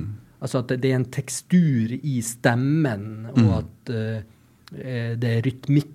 Eh, Og sånn har jeg hørt en podkast om eh, hvor det var intervjua blinde, da, som Ja. var eh, for, storforbrukere av lydbøker av åpenbare grunner. Mm. Eh, og de, der var han ene som ble intervjua, han sammenligna på en måte oppleseren med fonten. Ja. At eh, typesettinga av en lydbok er stemmen. ja. Og det, I USA da, så, har det, eh, så var det i, tidlig i blindetilpassa bøker. da, Ja. Så var det spesifikt én oppleser som ble preferert. Og han, han som ble intervjua, sammenligna vedkommende med Times New Roman. eller... Akkurat. Altså Det var liksom default-fonten. Ja. Den ville alltid funke. Ja. ja. Det, men det er jo veldig morsomt å tenke på at eh, ja, klart det, eh, det har eh, Her har det likheter. Mm. At typografi kan være lyd, på et vis. Riktig, riktig. Eh, men jeg må nesten spørre deg om eh, din eh, ting nummer to. Og, Min ting nummer to er Det var denne eh, liksom analytisk tilnærming. Ja. Så følte jeg en forpliktelse til å referere til uh, kjære Geir, Geir Kaufmann i, igjen. selvfølgelig, selvfølgelig. Eh, Boken 'Hva er kreativitet?' Ai, ai, ai. Eh, som er en eh, deilig liten eh, pamflett, nærmest. Ja. Eh, veldig lett å lese, og veldig brei samtidig i scopet. Og Kaufmann selv, han er, Han er psykolog, han er psykolog. Ja, eh, og har drevet med innovasjon og eh, lederutvikling og mye forskjellig. Så, så hvis lytterne våre her har ubesvarte spørsmål, så kan de låne Kaufmann på biblioteket. Hva er kreativitet? Ja, den gir deg en eh, kjapp introduksjon i de viktigste temaene, men så er det jo den andre boka, som er altså det som kanskje er tungvekteren Mm. eh, på forskningssida, som jeg òg har referert til tidligere i, i poden. Men han har så komplisert eh, navn. Det må jeg alltid eh, lese. Csikszentmihalyi heter han. Eh, og han er da forsker, kreativitetsforsker Ja. og har skrevet en bok som heter Creativity, rett og slett. Mm. The Psychology of Discovery and Invention. Yes. Eh, dette er jo også mannen som fant på begrepet flyt Ja. eh, etter mengder med intervjuer av eh, fremstående kreative, ja. og er på en måte eh, the shit. Men fins det en stor litteratur på, på feltet? Eh, ja, Altså en omfattende ja, eller altså bøker. han uh, Mihaly er jo liksom uh, the hardbringer, harbringer av dette. Men i historisk så har jo ikke kreativitet vært forstått på samme måte. Det er jo ikke før uh, psykologien eh, har eh, interessert seg for det. I dag så er man jo veldig opptatt av innovasjon og Ja. mange nyskapning og, og sånn. Men tidligere så har man jo historisk så har man jo forstått kreativitet nærmest som en nådegave. Altså uh, som inspirasjon. Altså noe som kommer ovenfra og ned. Det eh, husker jeg jo at eh, Sondre Skollevold, gjesten vår, Ja. sa han opplevde kreativiteten på den måten. Ja. Det er noe som, han tror han sa det. Det er noe som kommer fra, fra himmelen. Ja. Sant? Kommer ned, og Du vet ikke hvor det kommer fra, det bare kommer. Når han f.eks. skulle da, eh, skrive en tekst eller lage musikk. ja.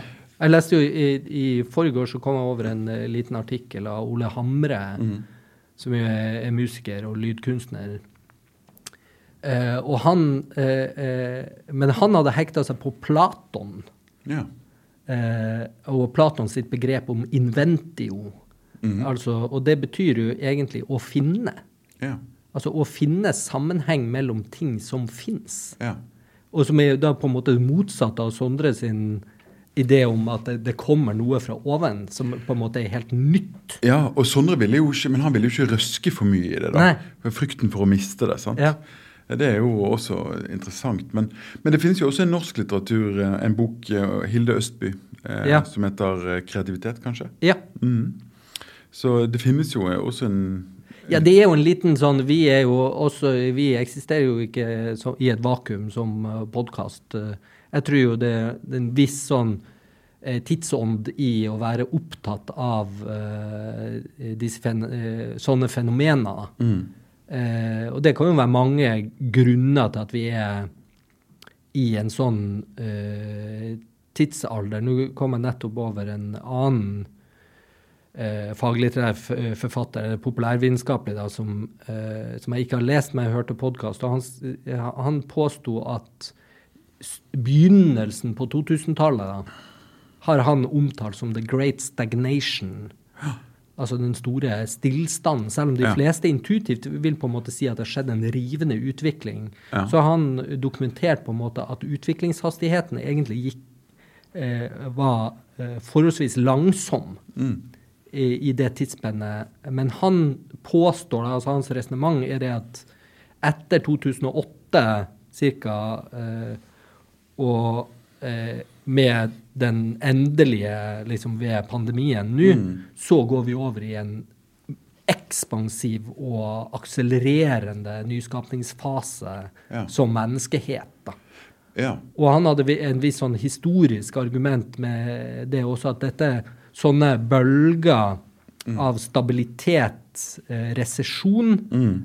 eh, som blir etterfulgt av eh, eksplosive, eh, nyskapende perioder, det har eh, menneskeheten gått gjennom mange ganger. Mm. Og nå står vi på terskelen av nye, formidable gjennombrudd. I, det er jo i, hvert fall litt sånn optimistisk eh, Ja. fremtidsutsikter. fremtidsutsikt. ja, så bra. Vi går inn i gode tider. Ja, jeg håper det.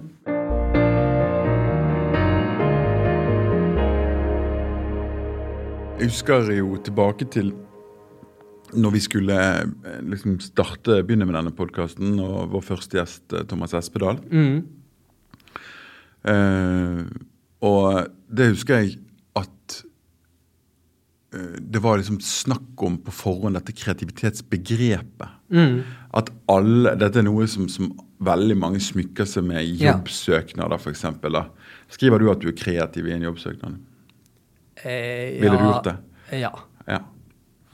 Eh, og, det, og i ditt tilfelle er det sikkert også sant. men, men, Ja, ja, men jeg, jeg skjønner hva du mener. Altså, det er jo en sånn der eh, uheldig uh, Eller det kan være en litt uheldig smak på ordet. da. Altså at det gir noen sånne assosiasjoner om lekestue. og Vi var jo det inne på, på det også i, i poden. Liksom at når man er kreativ, så skal man være så leken og alt sånt. Jeg er jo helt on board. Du er on board. Ja. Håvards Instagram eh, heter f.eks. Leketoys. Ja. Sant? Det er leke og toys. Ja. Sånn Så- så- herlig ordspill der. Men det er jo, du er jo på den leken. Ja, jeg, sy- og jeg, jeg tror at leken er helt avgjørende. Ja. Eh, og jeg syns at det, det er noe, det er noe ja, Igjen det middelklasseidealet, da. Altså det er noe, jeg syns at det er stusslig om man skal drepe leken eh, når man blir voksen. Hvorfor i all verden skal man gjøre det? Altså Livet er jo hardt og, og kjipt nok eh, av seg sjøl om man i tillegg ikke skal få lov å være barn. Altså Hva i all verden for noe forferdelig menneskefiendtlig idé det er? da. Så, eh, så jeg blir med en gang litt sånn skeptisk når man eh, eh, på en måte skal være så smart og rasjonell og si liksom at eh, ja, men det blir bare sånne ballbinger og, og tull, og spiller dere bordtennis og eh, sånn. For det er jo uttrykk for menneskelig glede. Hva, hva er galt eh, med det? Altså, det, det er jo liksom haters, da, Ja. tenker jeg. Ja. ja, det er det ikke noe galt med. Altså, Vi er nå satt på den kloden. La oss nå for all del ha det kjekt der vi kan. Hæ? Men, men igjen, jeg forstår jo at det kan være Altså, det, det er liksom et ord som kan bety eh, veldig mange ting. Ja. Eh, og gi litt sånne Lille Lørdag-assosiasjoner. Altså at det, det er noen sånne tullete konsulenter som skal Ja, men det er fordi at det er blitt, det er blitt liksom det er blitt sånn utvannet, da. sant? Ja. Eh, og når, når et ord blir utvannet over lang tid eh, på den måten, så er det på et eller annet tidspunkt ikke lenger klart hva det betyr. Nei. Det som var intuitivt forstått tidligere, er nå liksom bare Det er litt sånn bleknet, da. Så derfor syns jeg det, det, er, det er både riktig og viktig av oss å løfte dette ordet opp igjen og faktisk forsøke gjennom intervjuene med alle disse kunstnerne å forsøke å forstå hva det er og hvordan det er for den enkelte eh, utøver. Sant? Ja. Um, fordi at uh, hvis man koker det ned, så er jo det et veldig veldig spennende begrep. Ja. Og, det veldig, og innholdet i begrepet er veldig spennende. Sant? Og så Eh, syns jeg at hvis man er villig til å ta steget ut fra eh, kunsten som, altså, Kreativiteten Kreativiteten og kunsten er jo veldig tett eh, knytta. Eh, men hvis man utvider horisonten litt og aksepterer altså Det var jo veldig ryddig samtale på en måte med Tom Kosmo. Eh, på det så, så blir jo verden er jo rikere og mer spennende hvis du aksepterer at billakkereren er kreativ. da. ja, Da kan vi jo snakke om det. absolutt. Og da inkluderer vi også veldig mange flere, for jeg tror jo dette er grunnleggende eh, menneskelig. Altså nå eh, Jeg har lest en annen bok som jeg ikke husker hva heter akkurat nå, da, men eh, der sier hun forfatteren at hun driver med sånn eh, litt sånn kreativitetscoaching og, og sånn type ting. da. Men de fleste klientene som hun har vært borti, som, har, eh, som føler at de ikke er kreative, da, eh, så er det det at de har en eller annen eh, skamopplevelse tidlig i livet. Ah. Altså at det, det er noen eh, personer i deres eh, nære omgangskrets som har vært fordømmende i forhold til et eller annet de har produsert eller lagd, og så eh, har de følt skam vedrørende det. Og det tenker jeg det er, det er noe av det mest groteske overgrepet jeg kan forestille meg. Det å liksom fornedre et uttrykk for glede og menneskelighet. For det er sånn jeg ser på det. At hvis du har eh, lagd et eller annet, eller strikka et eller annet, så det er jo et symptom på menneskelig overskudd. Ja. Og hvis det blir møtt med sånn Hva er det for noe, da? Hva tror du du er? Det er nedrig, rett og slett. ja. Det, det, det kan jeg ikke akseptere. Da blir jeg bare blir jeg kjempesur. Ja.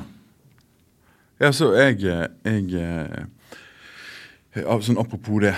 Jeg har jo aldri gått rundt og tenkt på, på meg sjøl som, som en spesielt kreativ person. Nei. Eh, det, eller det, jeg, har, jeg, liksom aldri, jeg har kanskje aldri liksom, tenkt så veldig over det heller. da. Um, men jeg går ikke rundt og anser meg sjøl som, som veldig kreativ i betydningen eh, oppfinnsom, eh, ser løsninger der andre ser problemer. Eh, skjønner du? Altså sånn Mm. ehm, Men det er åpenbart at eh, Men selvfølgelig er jeg kreativ. Ja. Sant? Altså, jeg, jeg er jo klar over det. Da. Men kanskje bare på noen områder, på et vis. Eh, det er ikke en sånn, et sånt karaktertrekk som jeg har med meg i alt. Eh, Nei. I hvert fall slik jeg eh, Det kan jo de tenke på, de som skal ansette meg neste gang. Altså, jeg har jo hatt den opplevelsen at jeg har blitt fortalt det hele livet. Men egentlig, At du er kreativ? Ja, men eh, egentlig ikke. Altså før, helt nylig, eh, altså de siste fem-ti år kanskje, eh, reflektert over hva det betyr. Jeg bare egentlig syns det har vært litt sånn der Ja, men eh, Altså blitt tildelt en eller annen rolle, da. Ja. Eh, og så ikke helt kunne håndtere hva Men hva- mener du med det når du sier det? Men du er jo ordentlig kreativ. Det er jo det er Ja, ja, men det kan, kan jeg jo uh, akseptere, men jeg har liksom blitt fortalt det uten å reflektere over hva innholdet er. ja. Uh, men så uh, har jeg liksom blitt interessert i litteraturen og blitt nysgjerrig på det i seg selv. ja. Og og nå kan liksom forstå Å ja, ja, men det er noen egenskaper her, og det er noen, en måte å eh, møte verden på. Mm. Eh, som gir seg ulike uttrykk, som jo eh, viser seg i de personene vi har snakka med, at det er Ja. veldig forskjellig. ja. Og dette er jo, vi har jo snakka med fremstående utøvere innenfor eh, veldig ulike Disipliner. eh, disipliner. Sant? Eh, og de har veldig ulike praksiser, men det er likevel en, en del sånne Det er noe karaktertrekk, det er noe eh, metoder, det er noe sånne Og opplevelser. Opplevelsen av skaping i Mm. seg selv har vært ganske har vært likhetstrekk, da. Ja. Men men jeg har altså det som, som Der det skorter for min del altså jeg, det som jeg syns Jeg syns ikke jeg har gode nok uh, ideer, uh, på et vis. da. Jeg syns ideene mine ofte er ganske fattige. Uh, Ja. på, på, på, på Det syns ikke jeg. ok, det er bra. Men, men det, man, kan, man, skal, man er selvfølgelig ikke noe god til å vurdere de tingene sjøl heller. da. Nei. Men for eksempel så eh, kan jeg få et, eh, et bilde eh, i hodet, et eller annet, som plutselig dukker opp. Um, litt sånn kommer litt sånn uforvarende på meg. Um, og så Og det kan være noe som er prosessert. sant? Fra noe som skjedde for noen uker siden, som du hadde sett noe som lignet, og så gjør forandrer sinnet på det bildet, hukommelsen osv. Og, så videre, og så får du sånn bilde som du tenker ah, det der kan jeg bruke, det, dette er jo et veldig fint sted å åpne en roman, f.eks. Ja. Um, men uh, så jeg føler jeg ikke at jeg er i stand til liksom, å, å, å liksom få nok ut av det. Ja. For jeg føler at her er det egentlig mye, men jeg klarer ikke liksom å, å grave det helt frem. da. Ja. Eh, altså Der mener jeg det skorter litt på kreativiteten, rett og slett. Å? ja. Eh, det er liksom eh, Disse virkelig, virkelig gode ideene eh, kommer, men jeg klarer ikke, som jeg vel sa, syns jeg sjøl å få nok ut av dem. Nei, da tror jeg bare du har for stor eh, selvkritikk. Eller for store, eller for høye ambisjoner, kanskje. Ja.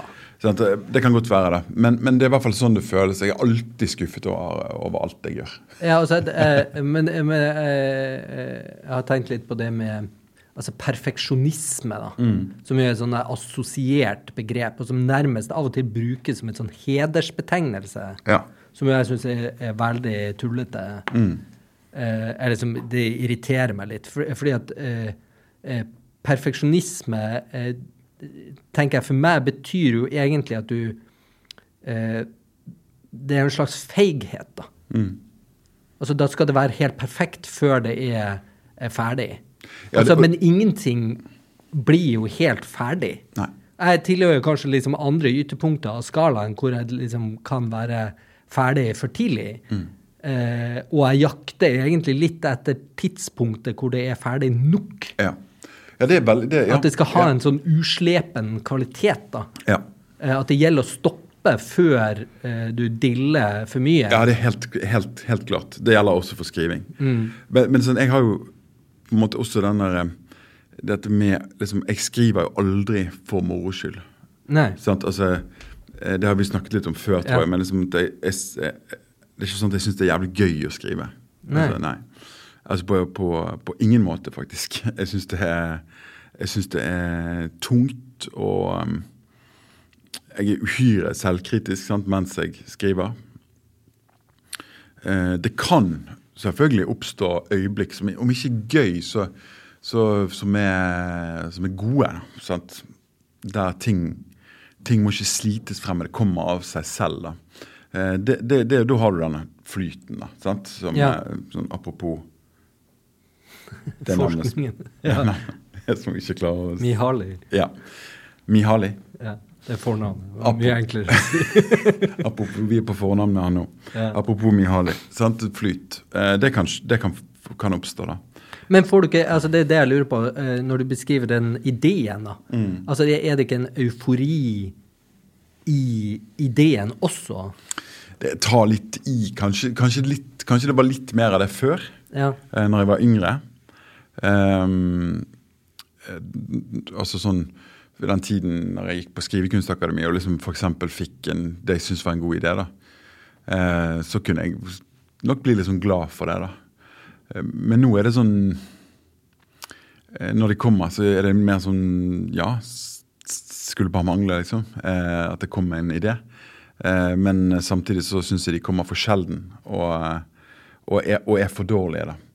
Eh, men, men bilder eh, Det er disse bildene som kan oppstå i det indre. sant? Ja. Det liksom eh, det, det kan være Det kan være men, jeg, men jeg tror sjelden jeg bruker de til noe. Men nå for eksempel, har jeg et bilde som, som jeg ikke klarer å slutte å tenke på. ja. Det er en, en det er bare en Og det tror jeg liksom er delvis eh, basert på noe jeg leste i en avis. Ja. Eh, eller som, bare, som jeg bare så. Jeg Ja. ikke leste saken. Mm. Sant?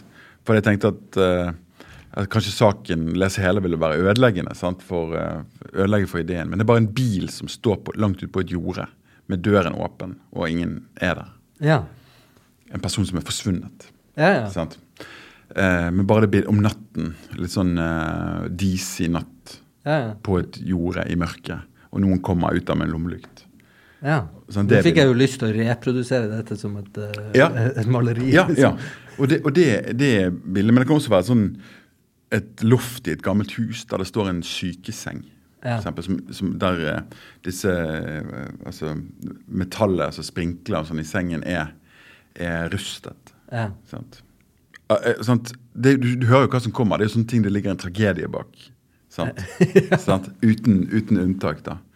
Ehm, men eh, jeg har lyst til liksom, Nå er jeg veldig sånn, inspirert til å prøve liksom, skjønnlitterære skriften og utfordre den. Ja. Og ta den i liksom, andre retninger. da. Ehm, eh, kanskje mer i retning av, eh, av eh, liksom, en slags mysterielitteratur. da. ja. Ehm, jeg har lenge leflet med å skrive en eh, lang kriminalroman som, der, eh, der drapet eller ugjerningen aldri blir oppklart. Men men kanskje det er bare meg som syns det Kanskje krimleserne vil bli forferdelig skuffet. da. Ja, ja. Eh, Men problemet med alle, med alle sånne kriminalserier og, og, eh, og eh, har jeg funnet ut, og bøker Problemet er jo alltid oppklaringen. Sant? Ja. Når, når, når monsteret viser seg. Ja. Det var deg. Ja. Fordi sant, Det er alltid skuffende. Da. Men er det når du holder på spenningen, det er det jo det som er si, spennende. Men det er vel der kanskje at hvis du skriver en eh, kriminalhistorie som ikke har en oppklaring, Mm. eh, da blir det noe annet. Da blir det noe annet. Ja, for Altså, da passerer du på en måte sjangerkravet, og du skriver muligens en helt annen type Du låner av den sjangeren, eller Mm. de eh, grepene som eh, finnes der, og så løfter man det over i en ny eh, Ja, og det det er jo det jeg mener med en, en finne en ny retning. Ja. Eller en ny retning, men i hvert fall gjøre ett sånt prosjekt. Mm. Men det finnes jo også en norsk eh, kriminalroman eh, som eh, der, med en lang etterforskning og greier. Så, så på slutten så blir det da klart at eh, dette drapet de etterforsket, var selvdrap. Ja. Sant? Eh, er det gøy, eller er det bare antiklimatisk? Jeg vet ikke, jeg er ikke en stor leser av krim, så Nei.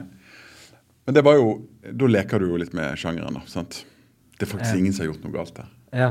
men alle er mistenkt.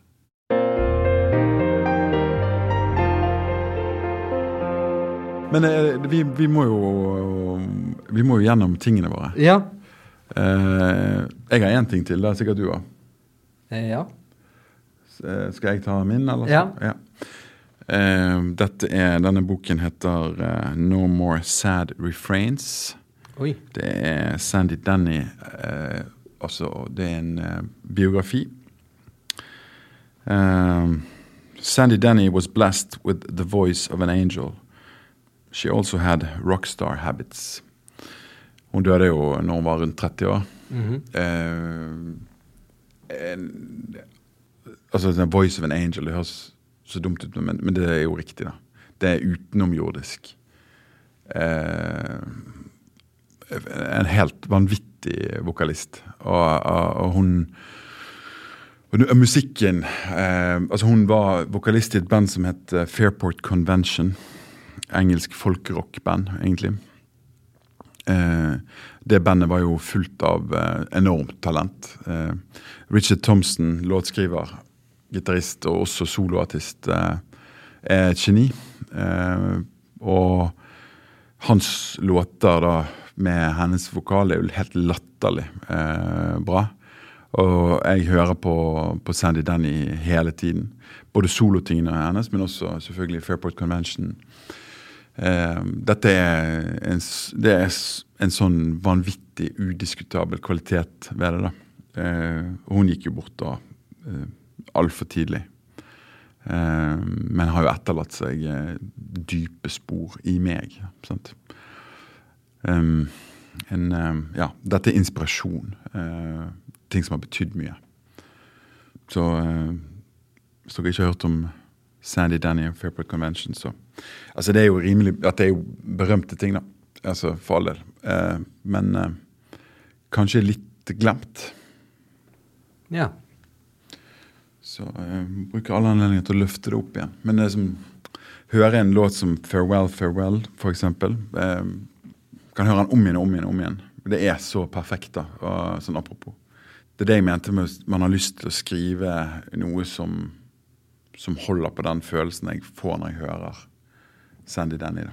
og, og Purple Convention og de låtene. Men det er, det, det er så mange låter. eh.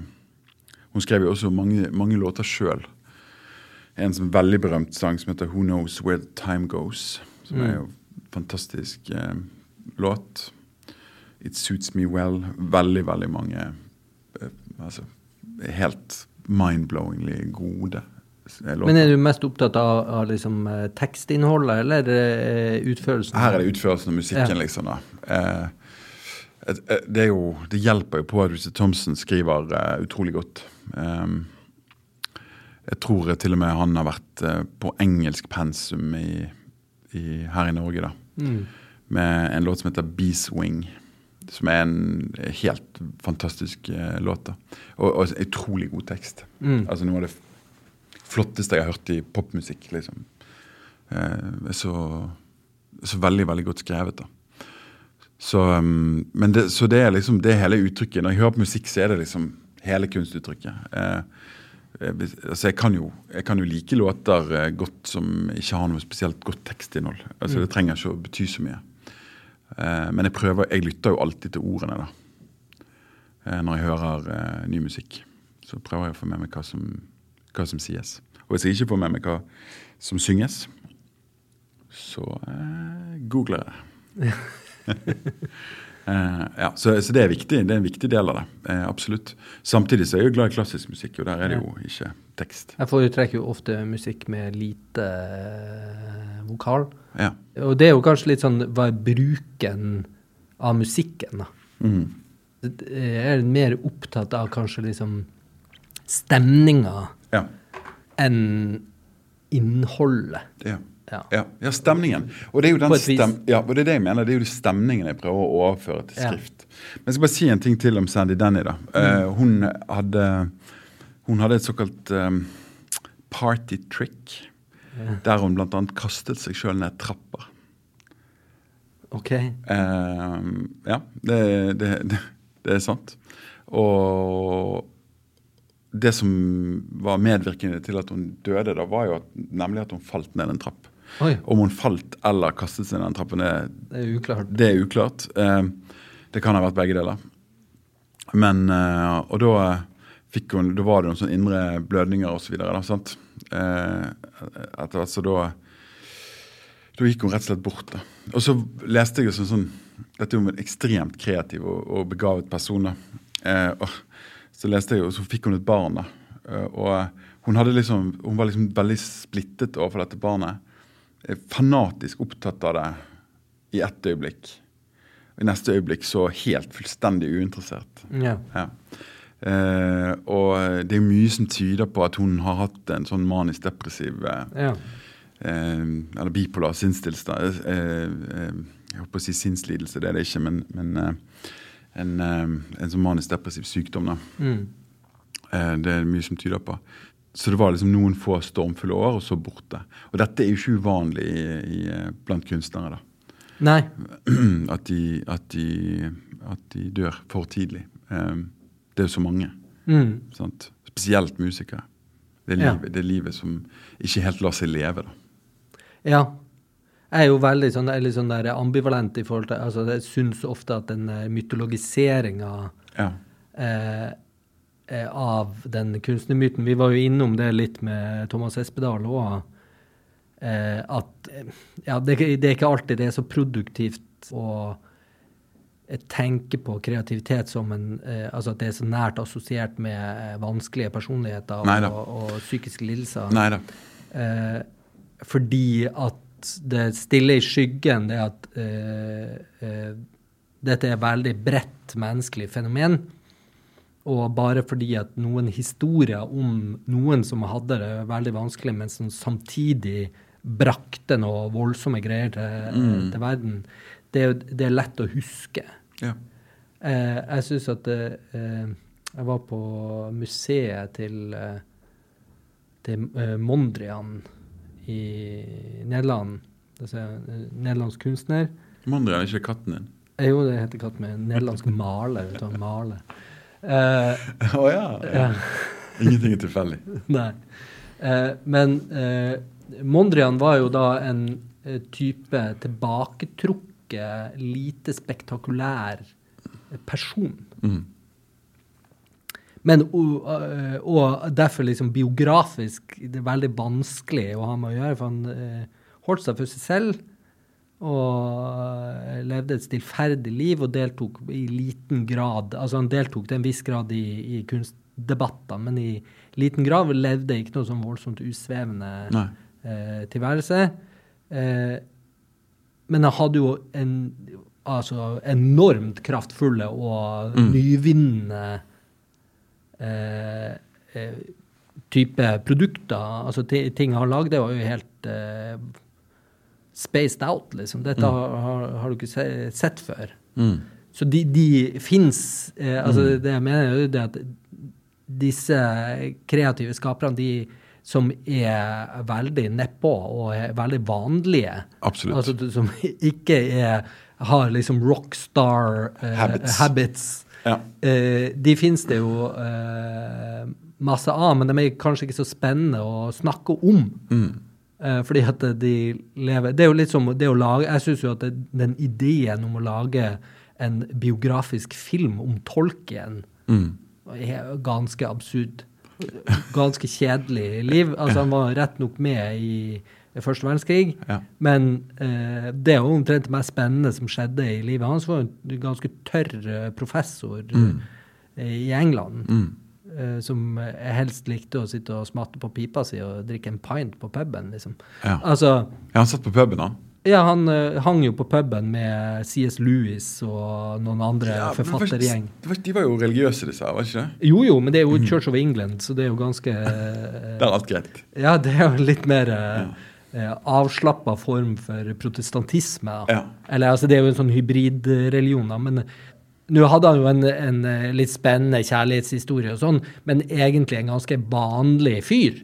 Det var jo det som var eh, poenget mitt, så jeg syns jo at det var en litt sånn pussig idé at det skulle filmatisere. Ja, men skal man det? Det er jo gjort. Å, har du sett den? Nei, jeg hadde bare kjent det. Nei, nei, nei. Fordi at er nå den biografien Altså, det, det er jo verket, Ja. eller verket ned, Mm. som jo er tingen. Ja. Ja.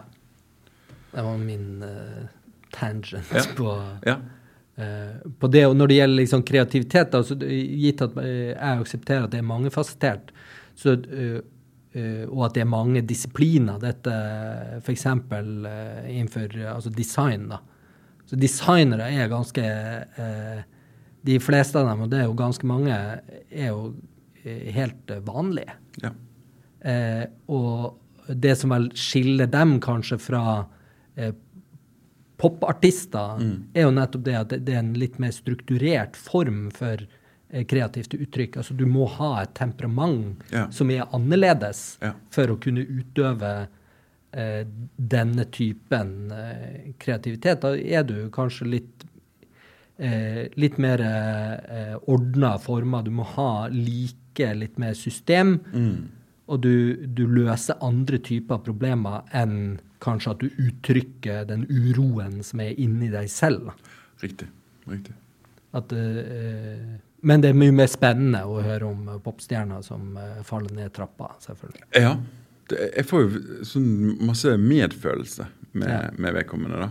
Ja, det er jo et annet veldig interessant aspekt. altså Den medfølelsen. Mm. Det tror jeg jo, eh, hvis jeg skal tenke på kreativitet, altså det er evnen til å sette seg i et annet sted. Det er en eh, avgjørende eh, egenskap, da. Ja, og det, det tror jeg er vesentlig også for en, en, en kunstner. En, en utøver som skal, eh, som skal eh, lage noe, skrive noe, og, eh, male noe. Det å være i stand til, til å, å faktisk forstå andre. Ja, Og altså Det er et uhyre viktig verktøy. I hvert fall, ja, i hvert fall kan jeg si det når, når jeg skriver. At uh, liksom det å kunne sette seg eh, inn i andres uh, livssituasjon så godt jeg kan. Og, og skrive frem en skikkelse med deres stemme, på et vis. da. Sant? Mm. Det er utrolig viktig. Ja, altså Ja. Den empatien, da, den syns jeg er litt underkommunisert. Ja. Altså både det at sånn som eh, liksom pop- eh, eller rockestjernene Mm. er jo i stand til å få andre til å føle empati. Mm. Det er jo kanskje selve liksom eh, gullklumpen i god musikk. Ja. Det er når lytteren blir satt i kunstnerens sted. Absolutt. Eh, men så er det jo den andre empatien, da, at kunstneren setter seg i eh, noen andre sin posisjon. Ja. Altså Jeg syns jo f.eks. Stein Torleif Bjella Ja. eh, eh, Så syns jeg det første albumet hans var så overbevisende ja. at jeg klarte ikke å skille han som person fra personen han fremstiller i eh, sitt låtmateriale. Akkurat. At jeg trodde så intenst på det, Ja. fordi at jeg syntes det var så bra. Ja. At for meg så ble eh, Stein Torleif Bjella om til eh, han der eh, tilbakekomne sønnen i Øvre Ål, liksom. Eh, har du gjort alle dine tre? Jeg har gjort mine tre. Ja. Og vel så det. Og vel så det. Ja, det eh, jeg har vel bare gjort to. Mm. Men jeg har liksom underveis i samtalen sånn ombestemt meg flere ganger. Ja, det er det. Og liksom funnet på nye ting Det er det som i, skjer, vet du. eh, i hodet. Så eh, nå, selv om det ligger to eh, flotte tegneserier i, eh, på gulvet her, og jeg hadde denne hylla som jeg òg kunne vurdere å ta med, så eh, tenkte jeg skulle eh, heller snakke om en annen bok som for ja, syv-åtte år siden også var en sånn, for meg en sånn wow Ja. eh, sakprosa igjen, men eh, skrevet av en kunstner, eh, David Hockney, som er britisk eh, maler, som skrev en bok som heter The Secrets of the Old Masters. ja. Som er hans en slags, sånn, slags kunsthistorie skrevet fra kunstnerens perspektiv. Mm. Og den var så eh, mind-blowing uh, når jeg leste den, at den Ja, den endra min måte min praksis, da, på en måte. ja. Eh, og han skrev veldig mye forløsende ting, da, men han ser på kunsthistorien fra et sånn malerteknisk perspektiv, da, på en måte. ja. Eh, at hvordan eh, fikk eh, disse kunstnerne til de tingene Ja. de fikk til? ja. Eh, og så har han en veldig sånn optisk orientering, altså hvordan synet Altså det du ser, endrer seg. Så prøver han å, å plukke i stykker en del kjente eh, kunstverk og se liksom i, i, historisk utvikling. Da. Og der beskriver han bl.a. Et, et instrument i innledningskapitlet som heter lucida. Som er et, et tegnehjelpemiddel. Som er en slags sånn eh, prisme man kan titte gjennom, så får du litt sånn dobbeltsyn. Ja. Sånn at du kan se ned og rett frem samtidig. ja. Eh, og så har han en beskrivelse av at han eh, eh, forsøkte å bruke en sånn, og dette var eh, et marginalt fenomen, men likevel også et, eh, en reell ting som fantes på 1800-tallet, parallelt med fotografiet, på en måte. Mm.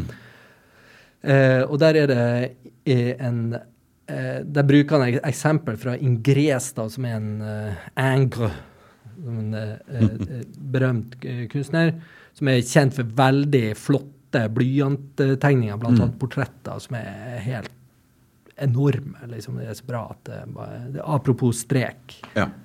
Eh, og så får Hockney da en slags sånn hypotese om at det, men det, det er noe med streken her, den er så sikker.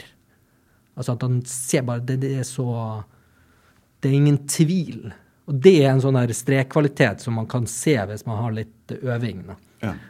Eh, så ser man at det, det mangler nøling. Nøling er jo sånn her eh, Da begynner å skjelve litt, og så stopper den. Og sånn, men så ser han at ankeret Angre det har liksom Det er vosj og fart og, og sånn. Så stusser jeg på hvordan, hvordan fikk han til eh, dette her, da?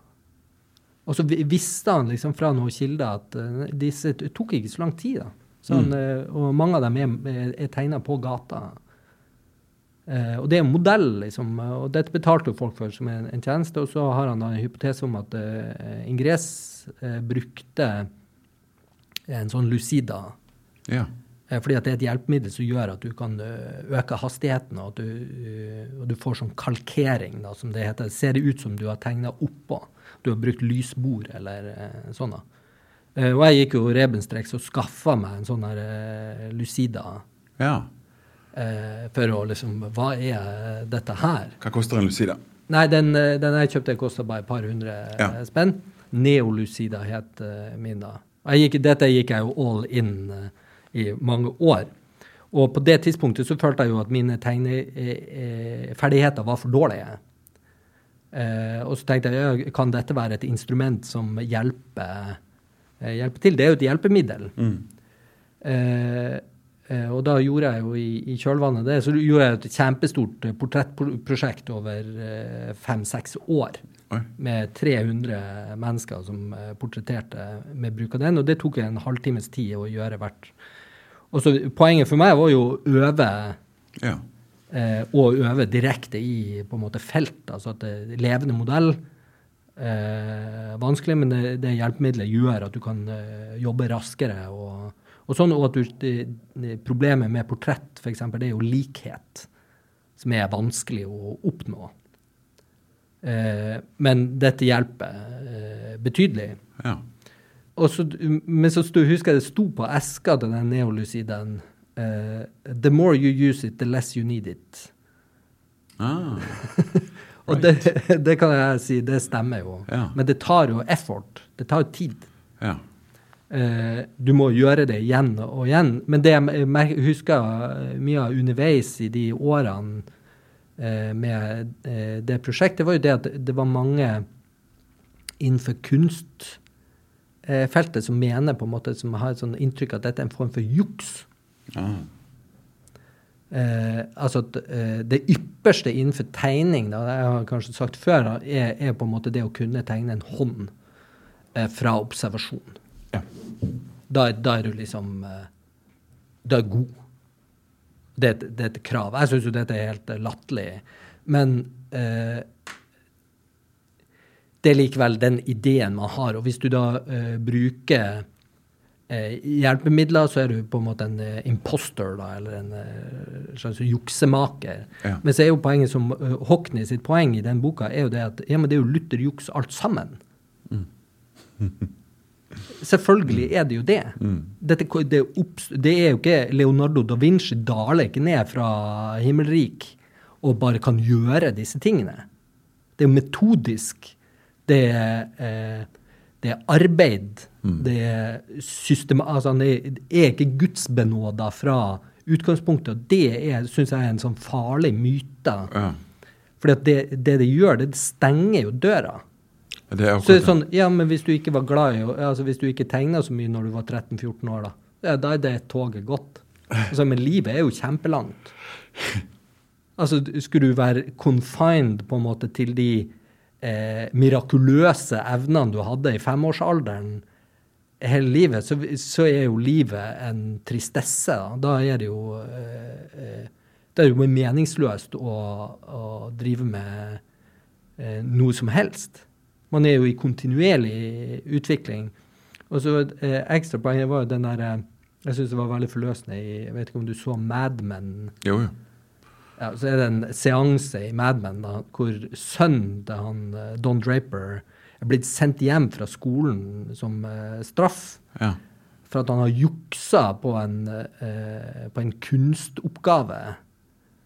Eh, eller han har da illustrert en, arti en sånn hjemmeoppgave en oppgave om en Thomas Jefferson. Mhm.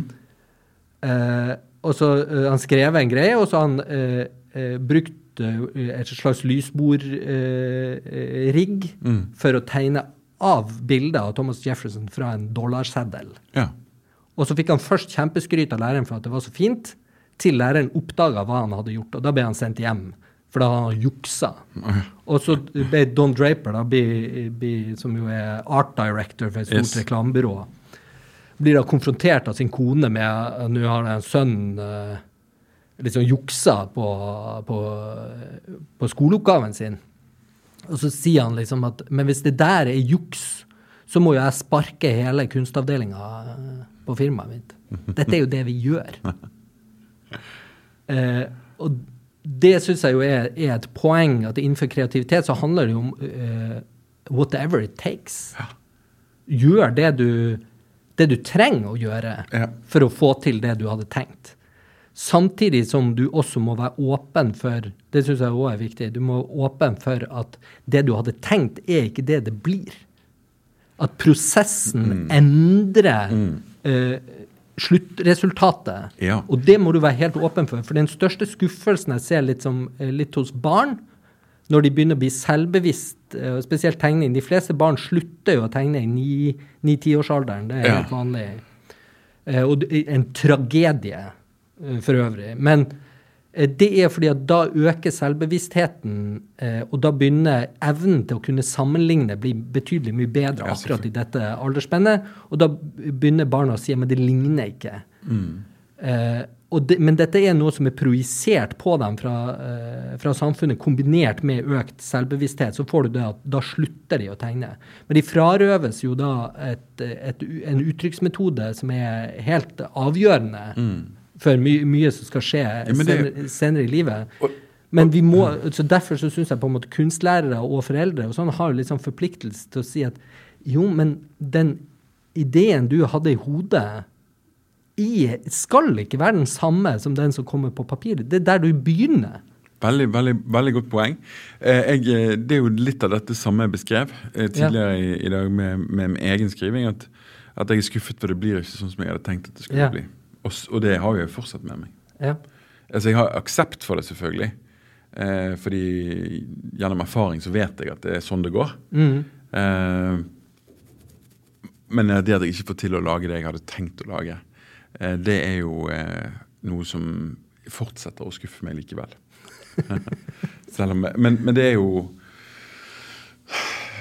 Det nytter ikke, sant. Altså, det blir eh, Man skulle ønske man skrev i et annet språk som ikke er ens eget språk. Ja. Sant? Men det er veldig vanskelig å rømme fra seg sjøl. Altså. Ja, det er helt uh, umulig. Mm. Så da må man jo heller uh, akseptere det som uh, blir. Og, men da tenker jeg liksom Vi er jo nå på slutten. Uh, det er nå vi føler vi har snakket i Ja, godt over en time, tror jeg. Og jeg tror det er Nærmere to? Ja, jeg tror det. Oi, oi, oi. Ja. Men ja, og jeg tenker kanskje det, det med at det blir det det blir. her er vi på en god tangent, da, eller en ja. avrunding. Hvordan du, har denne podkastserien, for å vende tilbake til hovedtemaet ja Eh, tenker du at det ble sånn som du tenkte? Nei, det ble ikke sånn som jeg tenkte.